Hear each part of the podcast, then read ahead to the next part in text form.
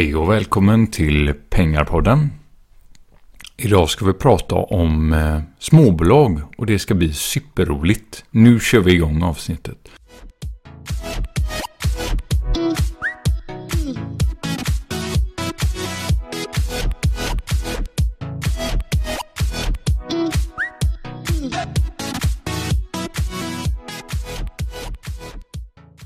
Vad innebär då ordet småbolag egentligen?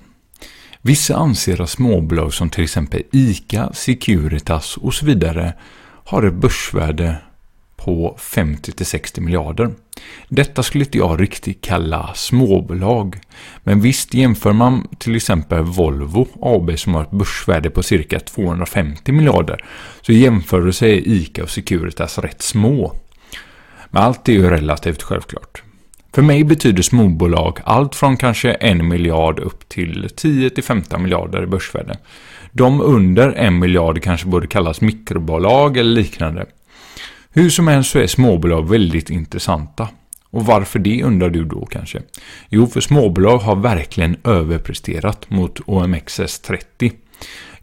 Jämför vi Carnegie småbolagsindex med storbolagsindexet OMX30 kan vi konstatera att småbolagen sedan 1995 gått totalt 135% bättre. Det motsvarar hela 3,8% per år och det är en sjukt bra överavkastning. Dock en sak som är lite missvisande är att detta inte inkluderar utdelningar och generellt sett brukar storbolagen ha lite högre utdelningar än småbolag. Så siffrorna stämmer inte exakt men hur som helst så har småbolagen presterat betydligt bättre än index och det är totalavkastningen som räknas. Totalavkastning är alltså kursuppgång plus utdelningar. Småbolag har allt som oftast högre tillväxt än större bolag. Ett större bolag har svårt att växa med tanke på att de redan är så stora. Mindre bolag har större möjligheter att växa, därav högre potential, potentiell tillväxt. Som gör att vinsten och försäljningen kan öka snabbare. Det gäller att vara försiktig när du värderar ett småbolag på till exempel P talet Det kan se ut som vissa bolag är extremt dyra baserat på deras P tal Men i vissa fall växer bolagen så pass mycket att de växer in i sin värdering snabbt. Så att bara kolla på P tal kan bli missvisande. Det gäller att hålla koll på vilken tillväxt det enskilda bolaget förväntas ha. Sedan är det viktigt att ställa sig frågan om det är rimligt att bolaget kommer växa x antal procent per år och hur uthålligt det är. Jag har tidigare nämnt vad jag själv tänker när jag ska investera i någonting. Och det är att du bör ställa dig frågorna Vad är detta bolaget om 3-5 år?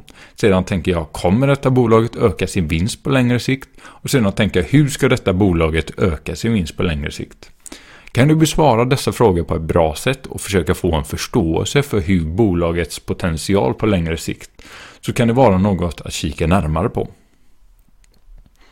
Varför är då småbolag bättre än större bolag för, förutom högre potentiell vinsttillväxt?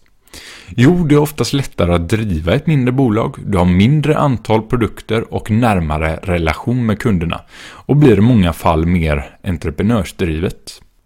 Sedan det som har gjort att svenska småbolag har gått rätt bra de senaste åren är att den svenska ekonomin har varit så pass bra och utvecklats bättre än övriga Europa.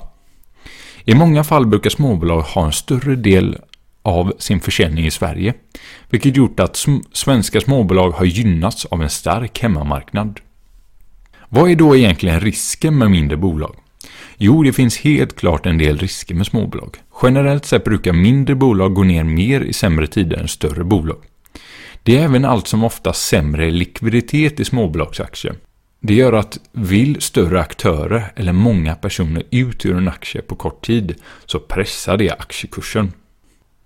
Småbolag brukar även ha färre produkter och tjänster samt att de befinner sig på fåtal marknader. Det gör att de blir extra känsliga och har mindre riskspridning till exempel stora globala bolag. Jag tycker småbolag är väldigt spännande. Det finns flera olika typer av småbolag. Jag undviker faktiskt bolag som inte tjänar pengar. Det finns en del människor som tycker att forskningsbolag, att där är det väldigt hög risk. Det, det, handlar oftast om att de ska försöka forska fram någon form av nytt läkemedel, till exempel botemedel mot cancer eller liknande. Men det är väldigt sällan de lyckas och det gör att allt hänger på att bolaget ska lyckas med det här nya preparatet. Och om de inte lyckas så kan bolaget rasa över 50% över bara en natt för att de misslyckas med forskningsprojekt.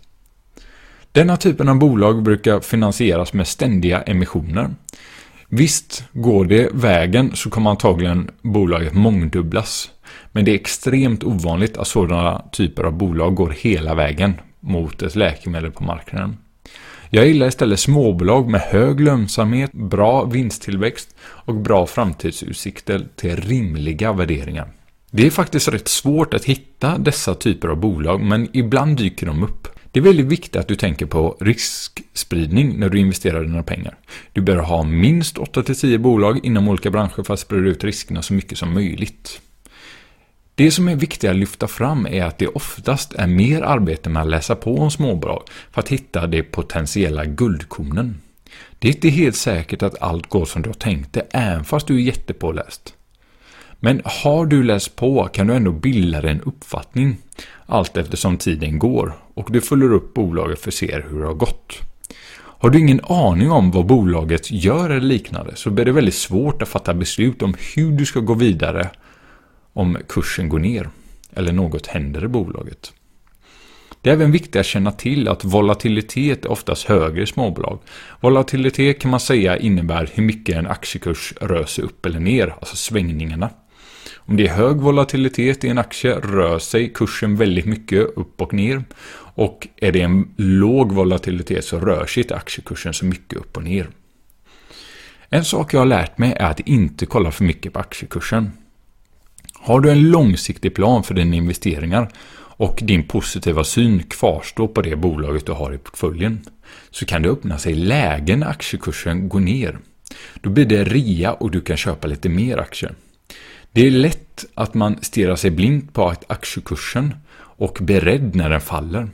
I många fall tänker folk oj, kursen går ner, det måste vara ett dåligt bolag det här. Då gäller det att försöka förstå vad är det som har gjort att aktiekursen gått ner eller går ner. Har inget förändrats så kan det vara läge att köpa mer aktier. Men det gäller att vara försiktig. Ibland kan det uppstå saker som du inte kan påverka och det är marknaden som styr priset kan man säga på aktiekursen. Sammanfattningsvis är att småbolag har överpresterat mot storbolagen. Men historisk avkastning är ingen garanti för framtiden. Men jag tycker en portfölj bör innehålla en del småbolag för att potentiellt öka avkastningen på längre sikt i din portfölj. Det var allt för den här veckan. Hoppas du har lärt dig lite mer om småbolag. Och vill du komma i kontakt med mig så når du mig på mejlen kontakt.pengapodden.se eller Pengapodden på Instagram och Twitter.